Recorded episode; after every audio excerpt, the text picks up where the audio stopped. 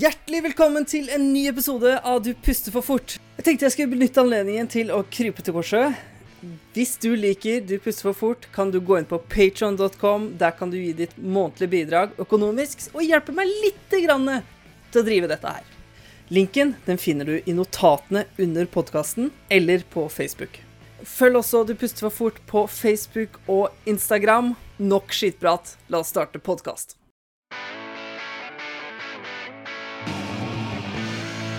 AK, dette er ambulanse. Pasienten er respiratorisk og sirkulatorisk stabil. Vi kommer inn med én pasient.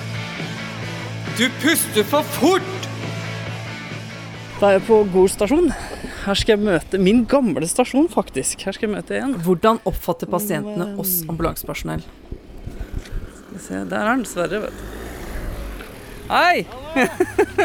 Takk for sist. Dagens gjest gjorde en studie på hvordan pasientene oppfatter oss ambulansepersonell. Dagens gjest er paramedic. Han har jobba mange forskjellige steder og heter Sverre Mørk.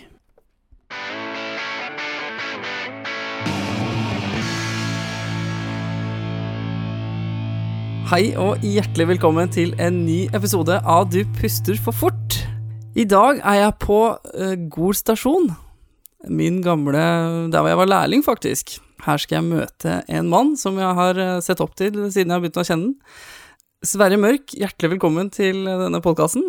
Tusen takk, Ole Kristian. Kan ikke du fortelle litt hvem, hvem du er nå først? Jo, eh, jeg jobber her på Gol. Jeg jobber som paramedic her. Jeg har gjort det nå de siste tre åra. Jeg har jobba i ambulansetjenesten siden 2004-2005. Har vært veldig heldig. Jeg har jobba veldig, veldig mange steder.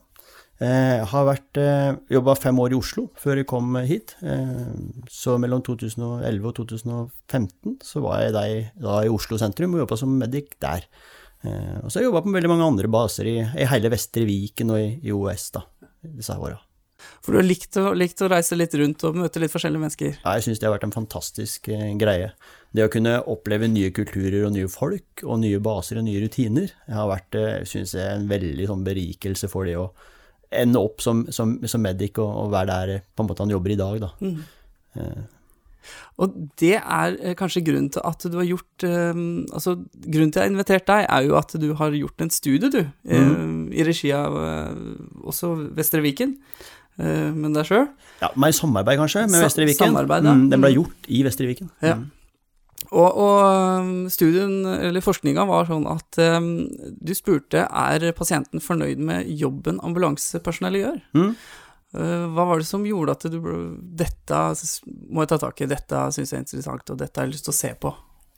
Det, det kan fordre et langt svar, men jeg kan prøve å lage en kortversjon. Eh, noe av greia når jeg begynte i 2005, om man kan si det sånn, da, det var at jeg hadde en lærlingeperiode, og så jobba jeg en del som vikar. Og så tok jeg etter hvert fagbrev, da. Eh, da jobba jeg i en tjeneste som var perifer. Altså han, han jo, jobba jo på en måte i Hallingdal og i distrikt. da. Um, og jeg jobba på veldig mange baser. Jeg hadde veldig mange forskjellige kollegaer. Og jeg hadde veldig mange eh, forskjellige typer pasienter. Det betyr at jeg hadde òg eh, en periode om spesielt Det var jo en sånn sesong, da, ikke sant? for i Hallingdal var vintersesong ganske stor. Og når sommer kom, så, så trakk jeg ofte ned til, til Hønefoss-Drammen og, og, Østlandet generelt, og så jobba jeg der med bytjeneste. Eh, og så fikk du mye spørsmål da, eh, i huet, fordi at eh, når du jobber med så mye forskjellig personell, eh, og du har så mye forskjellig type pasientoppdrag, eh, så, så, er jeg nok litt interessert sånn i relasjon og det herre mellommenneskelige eller kollegamessige eller sånn, i utgangspunktet. da. Men så, så skjedde det òg noen ting i forbindelse med det her. og det at det, vet, I 2007 og i 2010 så hadde vi to store saker. vi hadde Sofienbergparken, eh, som ble en voldsom greie i media, eh, om jeg hadde Tøyen-saken. Og mange har kanskje kommet inn i tjenesten etter det, og husker kanskje ikke saken der i det hele tatt, men det, det var jo saker som gjorde at ambulansepersonell i Norge ble stempla veldig som eh, rasister, eh, arrogante, eh, inkompetente. Eh, og det, og det prega oss i, i, lang tid, da. Eh, så, så, det var den gangen så, så fikk kanskje ambulansepersonell da, stempel for å på en måte eh, måtte bevise noe. Da. Og, og, da jeg jobba jo i den perioden her, så når 2010 kom, og jeg liksom måtte satte i gang det prosjektet her, så var nok det litt sånn nysgjerrig på er det faktisk sant, da? At, at pasientene ser på oss på den måten her, eh, sånn som media fremstiller oss. Eh, eller ligger det noe annet bak? Og så, og så satte vi i gang prosjekter, da. Mm. Eh, og så er det jo noen år siden nå, ja. slik at det blir jo det blir på en måte Nå har han jo på en måte eh, hatt mange oppdrag etter det, eh, og, og opplevd mye annet etter det, slik at når en går tilbake og ser på nysgjerrigheten, så er det kanskje det som dro det. da. Eh, hva kan vi gjøre, og hvordan kan vi oppføre oss som gjør at pasienten er fornøyd med oss, og er de fornøyd med oss, liksom. Hva er sannheten? Mm. For dette skrev du i 2011, da skrev du den ferdig? Da var den ferdig. Ja, da var den ferdig. Mm. Eh, Sverre, kan ikke du fortelle litt hva, uh, detaljert hva, hva studien handler om?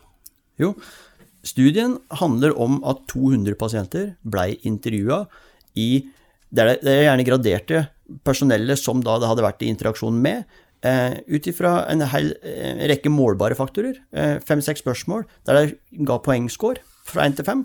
Og så var det en del av intervjuet som var sånn kvalitetsintervju, der, der de på bakgrunn av hvor de hadde svart, ble spurt om hva er det som gjør at du opplevde hadde en god opplevelse eller en, en dårlig opplevelse. Og så ble det her på en måte dratt ut av. 200 pasienter var fordelt på tre forskjellige sykehus i Vestre Viken, Drammen, Kongsberg og Hønefoss. Eh, og det var en jevn representativ eh, måte del av befolkningen, både fra distrikt og fra bytjenester, da, som, som blei intervjua. Eh, hva var typiske spørsmål, da?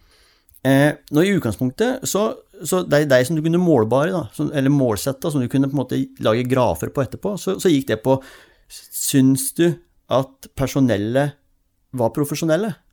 Eh, og det er jo objektivt. slik at Der fikk du en 1-5-score, og så var det sånne ting som fikk du god informasjon og forklaring, ble du følte at du ble ivaretatt faglig og medisinsk, og lett å kommunisere, eh, osv. Forståelse og medfølelse. Eh, og så graderte jeg på en måte det her fra 1 til 5. Da. Mm. Og det var jo en sånn eh, kvantitet, da, bare for å kunne se og lage grafer av det. Mm. Um, hvor lett var det for uh, pasientene å, å, svare på det her? Kom du da i, i rød uniform, eller? Nei, og det var en viktig greie, fordi at hvis du gjør det, så blir du på en måte litt sånn eh, forutinntatt, da. Så jeg gikk i sykepleieruniform, og jeg jobba på sykehus, og pasienten ble intervjua ja, stort sett én, to, tre dager etter at jeg hadde vært i interaksjon med ambulansepersonell. Mm. Mm. Hva skal til for å lage en sånn type studie eller undersøkelse?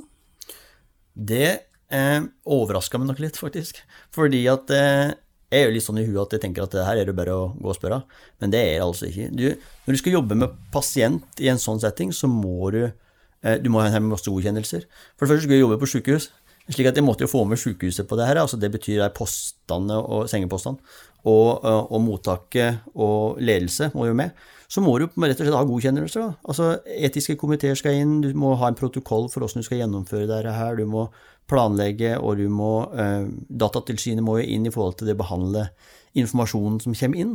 Eh, slik at det var en prosess. altså Jeg tror jeg brukte en tre-fire måneder først faktisk på å få, få de godkjennelsene som skulle til. Ja. Og alt dette her gjorde du på eget initiativ, eller? Ja, mange tror liksom at det her var en del av en sånn eh, oppgave, en bacheloroppgave eller en sånn oppgave i forbindelse med skolen, men det var det ikke. altså Det var rett og slett et initiativ som jeg bare satte i gang for å, for å finne ut de tinga jeg var nysgjerrig på. Og så hadde du gjort et uh, godt forarbeid da, med um, planlagt alt hva du skulle gjøre, fått godkjenning av Vestre Viken. Mm. Hva, hva, det, altså, hva, slags tanke gikk du inn i prosjektet når, når du skulle begynne å intervjue eh, pasientene?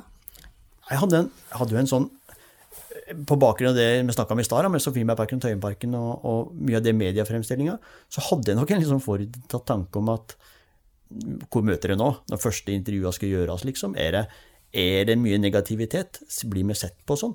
Og jeg kom jo inn i nøytral uniform, som jeg sa, slik at det, det hadde jo ikke noen følelse av at jeg var et ambulansepersonell. For jeg spurte da bare eh, Vi gjør en undersøkelse nå i forhold til, til din opplevelse av, av, av ambulansetjenesten og, og, den transporten og interaksjonen du har hatt med, med ambulansepersonell. Så jeg var nok veldig spent på, på, på det. Eh, i, i, forhold til hvor jeg målte oss på. Da. Om det var sånn at de så på de tekniske ferdighetene våre, eller om det var oppførselen og kommunikasjonen som, måte, som gjorde at de følte seg ivaretatt eller, eller hadde en positiv opplevelse. Mm. Uh, Og nå må vi jo inn i studien. Mm -hmm. I, altså, hva fant du ut, Sverre? Du, det, det som overraska meg egentlig eh, ganske mye, er at når du begynte å gjøre intervju, så gjorde jeg 100 intervju først. Eh, og så tenkte jeg oi, her var det mye like svar. Og du vet, jeg, jeg lagde jo et kvantitativt målbart Eh, spørsmålsark som var veldig gjennomtenkt på forhånd. Da jeg hadde med meg professor Halvor Nordby, som er professor i kommunikasjon og, etikk på, på høyskolen. Og han gikk gjennom det her og sa at dette er på en måte eh, gode spørsmål, og det, og det, vil belyse det på en måte som er relevant. da. Eh, slik at jeg måtte jo ha med meg noen sånne mentorer bak, og det, det, var nok veldig lurt, altså. Men når du gikk inn og begynte å se på disse her spørsmåla, slik at nå kan vi jo se litt på de enkelte spørsmåla, kanskje. Det, hvis, hvis, du f.eks. spør et spørsmål som syns du at personellet virker profesjonell, eh, og din objektive oppfattelse av det, så, så er det sånn at det, veldig mange skårte oss veldig høyt. da. Og det gjorde jeg òg på mange andre spørsmål. da. Eh, sånn som det å Fikk du informasjon og forklaring god nok?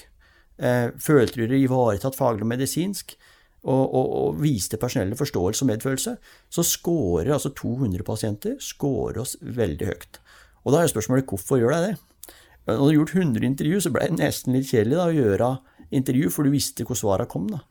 Og jeg var nok litt overraska, fordi vi som ambulansepersonell da, innad har jo lett for å på en måte se på hverandre og anerkjenne da, hverandre eh, for eh, evnen til å ta kjappe avgjørelser, evnen til å være autoritær og være operativ, eh, og det å på en måte eh, fikse og ordne. og Vi ser på hverandre mye tekniske ferdigheter. da. Og så oppdager jeg at det gjør faktisk ikke eh, pasienten på samme måte. Nå skal det jo sies at i tillegg til de fem målbare spørsmåla, så ble det gjort et sånn 20 minutters intervju etterpå, der det ble skrevet i tekstform da, hvor pasienten mente var grunnlaget for enten en positiv eller en negativ score.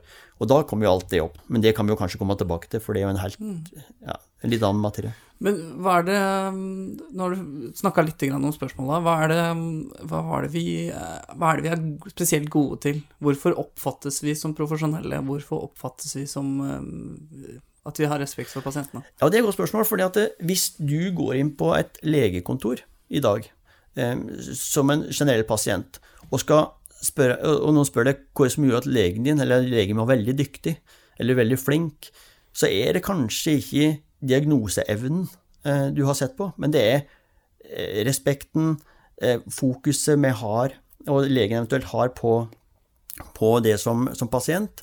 Det at du føler deg ivaretatt og sånn, det er det som ofte scorer personell på, da, og det tror jeg vi òg blei gjenstand for. da. jeg er veldig god, da, generelt all over på å være folkelige. De gir tilbakemeldinger på at de de syns vi er veldig fokusert. Når en pasient kommer inn i vår ambulanse, så, så føler de seg veldig i fokus eh, når de scorer høyt. Og så får dere dertil igjen, da. Hvis de scorer lågt eller scorer oss ned, så, så, er det ofte det det går på. da. Eh, hvis du går til de klagene som kommer inn på ambulansepersonell i dag, og iallfall i den perioden, jeg tror ikke det er noe forskjell fra, fra da til nå, så så viser jo det òg at det er klagene som f.eks. et helsetilsyn får inn, da, eller en tjeneste får inn, der går veldig sjelden på tekniske ting. Og, og, og på en måte undersøkelsesmetodikk og sånn. Det går på kommunikasjon, og det går på holdning. Mm. Eh, og det gjenspeiler jo denne her. Vi scorer høyt fordi at vi er generelt gode på det som gruppe. Og da er spørsmålet hvorfor er vi så gode på det? Mm.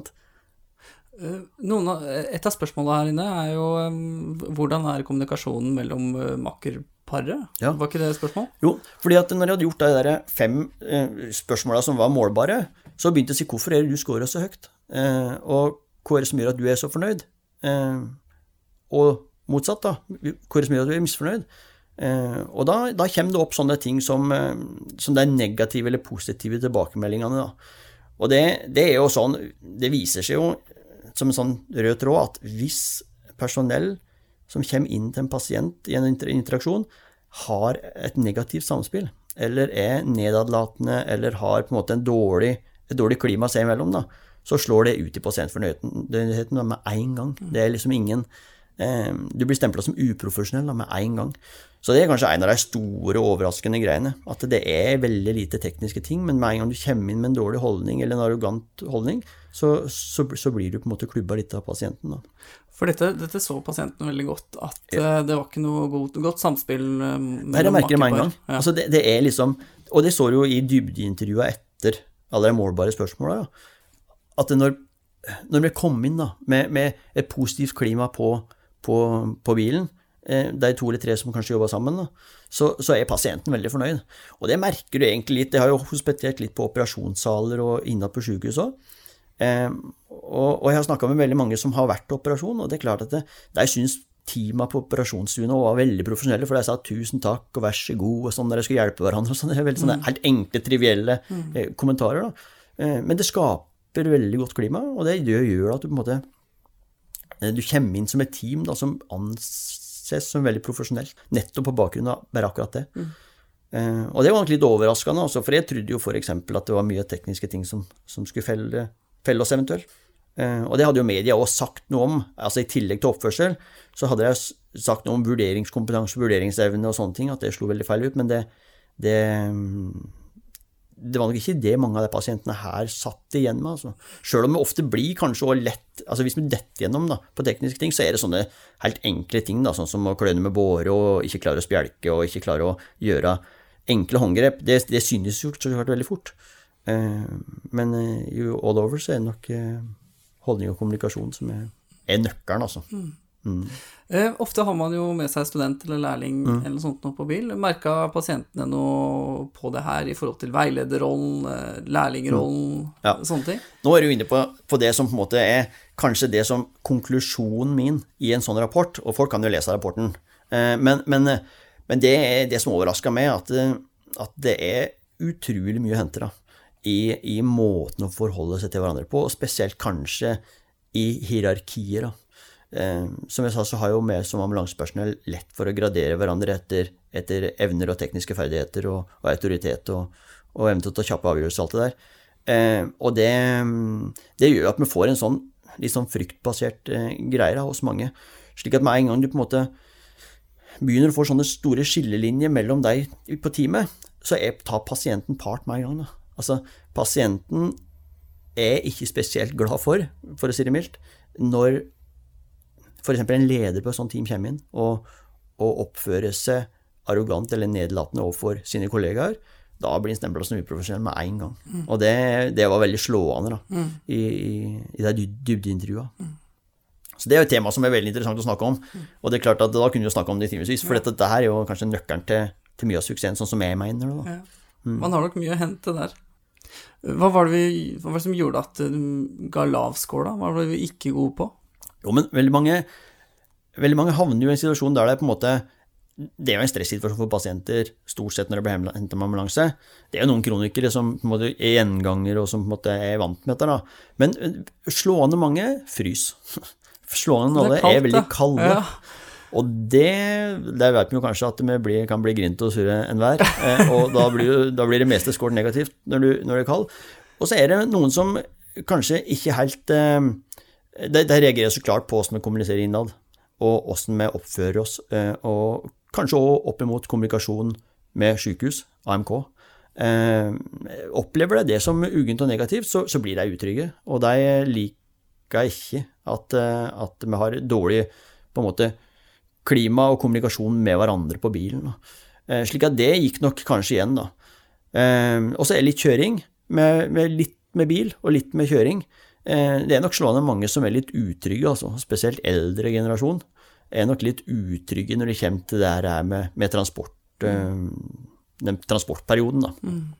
Eh, men, men, jeg tror nok kanskje at det er litt, sånn, litt sammensatt. Så skal en dra ut nå, så er nok kommunikasjon og, og mellom de som kommer, personell på bilen, og opp mot sykehus og AMK. Jeg tror nok generelt vi kan si at hvis pasienten opplever at den ikke er i fokus, og, og ikke føler seg ivaretatt, og i tillegg blir litt er, er, er kald og, og, ligger vondt, så, så blir han fort misfornøyd. Mm. Eller han kjenner på det mm. og scorer oss ned. Jeg tror vi kan konkludere med at pasient som opplever at klimaet mellom de personellene som kommer, eh, hvis det er negativt, eh, vil skåre oss ned.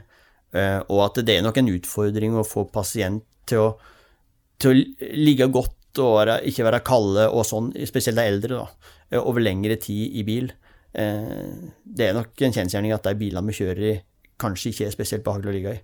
Og det går ikke på oss, kanskje, men at pasienten har hatt en uh, kjip overlevelse med transporten, er mm. nok, er nok, kanskje det vi sitter igjen med. I tillegg til at de er litt utrygge for, for kjøring, spesielt eldre igjen, da. Og så kommunikasjon i forhold til båreløft og, og alt det her sikkert òg, da. Eh, ja, hva tenkte du på nå? Ja, altså, altså Opp og ned med, med båre blir jo løfta Ja, det er et eget spørsmål, faktisk. Om, ja. folk, om pasient føler seg utrygg i båra, men det er bare 10 da, som ja. sier noe om det. Jeg tror ikke det er veldig der. Jeg tror vi kanskje kan se på, på tilleggs... Det spørsmålet som også ble stilt i tillegg, var jo det om, om yngre eh, personell eh, blir på en måte har mer å bevise, da, på en måte, enn om det kommer noen som er litt eldre. Og det, det går nok litt igjen, da at, eh, at, jo yngre du er som personell, jo mer på en måte har du litt å bevise. Faktisk. Mm. Mm. Hva er det du har lært mest av studien, og hva er det du egentlig sitter igjen med etter å være, når du var ferdig? Mm. Nå har vi jo snakka mye om det med eh, kommunikasjon mellom makkenpar og, og, det her med åssen vi oppfører oss. Eh, men det var en ting som var litt slående i tillegg, og det var at eh, du vet den tida fra det Når det skjer et eller annet med en pasient, når det blir ringt inn til AMK eh, og vi er på vei, så den ventetida som pasienten har til med på en måte faktisk er der, den, eh, der ligger det nøkkel til suksess ved, på en del punkt, og Det er at det, det skal utrolig lite tid til da, før et, en pasient begynner å tenke Oi, hvor er jeg hen? Eh, har jeg kjørt feil? Har jeg forklart meg for dårlig? Vet jeg ikke hvor jeg er hen? Og det skapes en masse spenninger da, eh, imellom kanskje den pasientens forventning eh, og det på en måte vi som ambulansepersonell møter da, eh, i Eh, i den herre mangel på informasjon.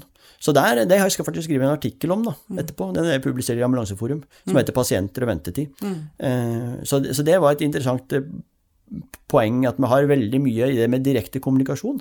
Der vi f.eks. ved å ringe på vei ut istedenfor å sitte og prate om vær og vind, faktisk er fokusert på pasient og i den tida. Og når det passer, og når det lar seg gjøre, ta kontakt direkte med innringer eller med pasient. Uh, unngå en del spenninger da, og forventninger. Mm. Uh, Bare det å ringe og si at ja. 'jeg vet hvor jeg skal'. Jo, ikke sant. Og det, det, at, eh, det, at, pasienten får informasjon om hvor lang tid det er Du vet når AMK legger på, det er jo ikke alltid det er helt linja til en, til, en, pasient. Uh, det at vi da tar kontakt når kjøretida er mer enn la oss si et kvarter, da, og sier at du, nå er vi der om fem minutter, og vi vet hvor det er, og at jeg får informasjon om det, og litt sånn gjerne førstehåndsinformasjon eh, på hva som har skjedd, åssen går det med og sånn. Det gjør at eh, pasienten føler seg ivaretatt på en helt annen måte enn når de på en måte må ligge og vente med egne tanker i den ventetida. Så det, der satt jeg igjen med en, et stort læringspotensial. Så det har jeg på en måte tatt med meg veldig mye videre mm. i, i, dette. Men så klart så er jo det med kommunikasjon og, og holdning Eh, noe av det som kanskje har preget det mest, da, som er, er, fallgruva vår. Og det gjør jo at jeg har hatt det undervisningsopplegget nå på høyskolen eh, på Lillehammer, på paramedikkstudiet, og i andre sammenhenger som du Lars gjør, der vi, snakker mye om det da, som en stor nøkkelfaktor. Mm. Eh, på bakgrunn av det materialet som, som kom fram etter undersøkelsen. Da. Hva sier du til kollegaer, lærlinger? Du jobber mye med fag også. Mm. Um, hva, du, hva slags tips sier du videre?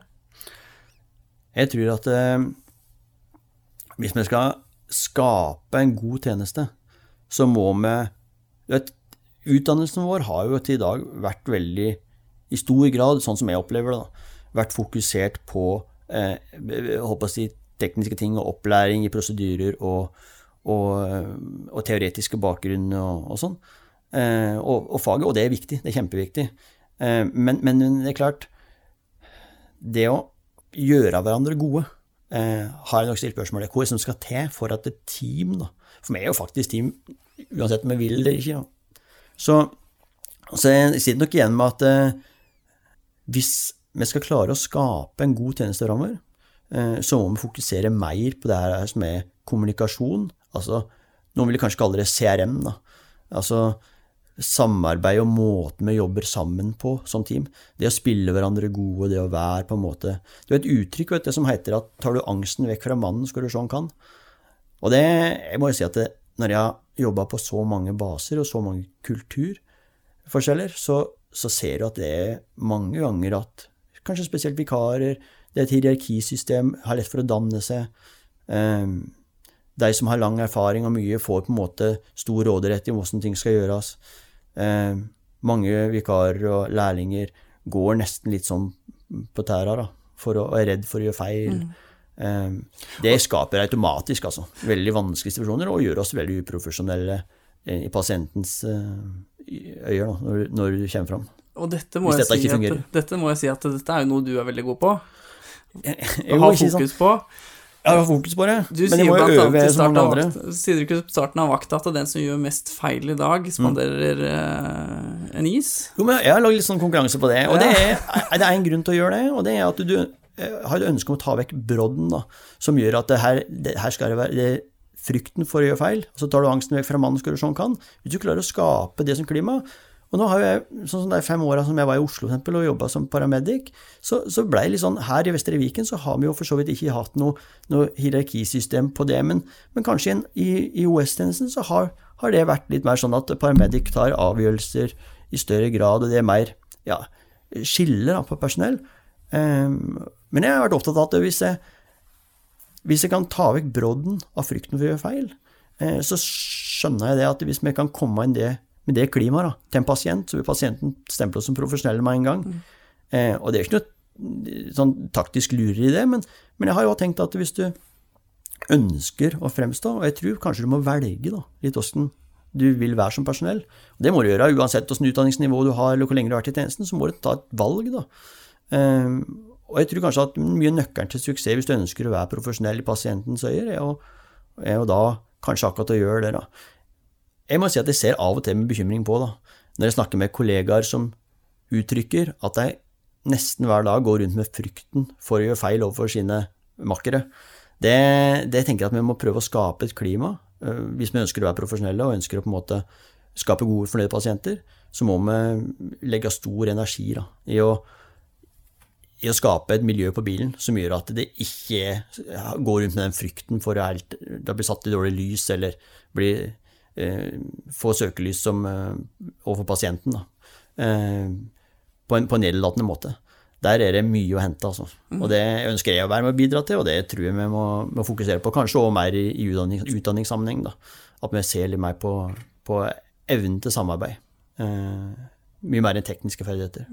Og det er veldig viktig. Det er jo det som er veldig veldig morsomt med jobben vår også, er at det samarbeidet vårt. Ja, og så ser vi at det slår direkte ut på pasientens fornøydhet. Mm. I stor grad, faktisk. Mm. Mm. Og så eh, siste spørsmål, da, Sverre. Når jeg spør uh, de som er med i podkasten om hva gjør en ambulansearbeider eller en paramedic god? Ja, det har jeg hørt eh, du har spurt om noen ganger. Det, jeg tror at med, I vår tjeneste så tror jeg vi kommer, kommer ikke unna at faglig dyktighet Eh, det at du er god på prosedyrer, at du kan jobben din, og at du på en måte er god på utstyret du bruker og sånn, det kommer ikke unna. Det må vi ha og være oppdatert på, og den utviklinga vi har, så må vi følge og oppdatere oss på det.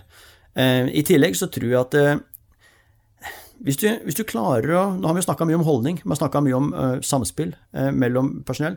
Og jeg tror at hvis du klarer å, å Jeg oppsummert det litt som en sånn setning som heter at hvis du er på en måte da, fra dag til dag og time til time som gjør at deg rundt det, altså makkerne dine, er glad for å være akkurat seg sjøl når du er til stede, eller på bilen med dem.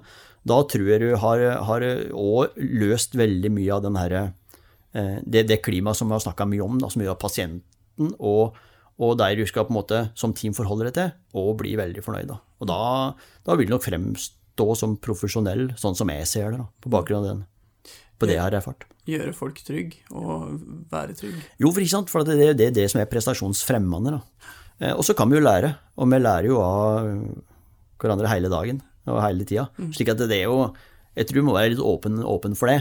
Eh, og, og innse at eh, i, snitt, i, snitt, så gjør vi feil åtte ganger i timen, eh, er det noen som har sagt. Og det kan jo være alt fra å velte saftglasset til, til, å gjøre store feil med store konsekvenser, men, men jeg, tror, jeg tror vi bare si at sånn er det. Og så må vi på en måte forholde oss til hverandre på en måte som gjør at det er rom for det. Mm. I tillegg til å være veldig sterk faglig, så, så tror jeg vi da kommer vi langt. Altså. Mm. Og vi går, en, vi går, jo inn i en periode nå med, med sannsynligvis en like stor utvikling som det har vært de siste åra. Og da må vi jo møte det med, med mye av de tinga innabords, tenker jeg. Du, Sverre. Hjertelig takk for at uh, du ville komme i denne podkasten og dele denne studien, eller forskninga. Jo, takk for at du ville være med. Det var veldig veldig hyggelig. Vært, hyggelig å være tilbake på god stasjon. Da. Ja, det må jeg si. Jeg syns det er alltid stas å treffe dere. Det er jo det er, Jeg må si jeg er imponert over det du har fått til nå, altså. Og så er det jo veldig stas å treffe deg. Du er en likende kar, Ole Kristian. Ja, og det, det tror jeg veldig, veldig mange har glede av i tida framover. Og så får vi kanskje lov til å legge ut denne forskningstransporten også, Sverre? Går det an? Jo visst. Legge den ut på våre Facebook-sider, blant annet? Det må du gjerne gjøre. Den uh, ligger jo eh, som en rapport etter, etter forskninga. Og så, er det på bakgrunn av den tematikken som kom opp, så er det å skrive en artikkel om pasient og ventetid. Eh, ventetid altså på ambulanse. Som, som du òg gjerne må legge ut. Mm. Ja, hjertelig takk for nå, Sverre. Og så er Du puster for fort selvfølgelig tilbake neste uke. Da er det ny gjest, og det er kanskje nytt tema også. Vi får se. Vi lyttes eh, neste uke. Hvis du liker Du puster for fort, eller du hater det, skriv gjerne et kommentar i kommentarfeltet på iTunes eller der du laster ned med Android-telefonen din. Til neste gang, ha det bra!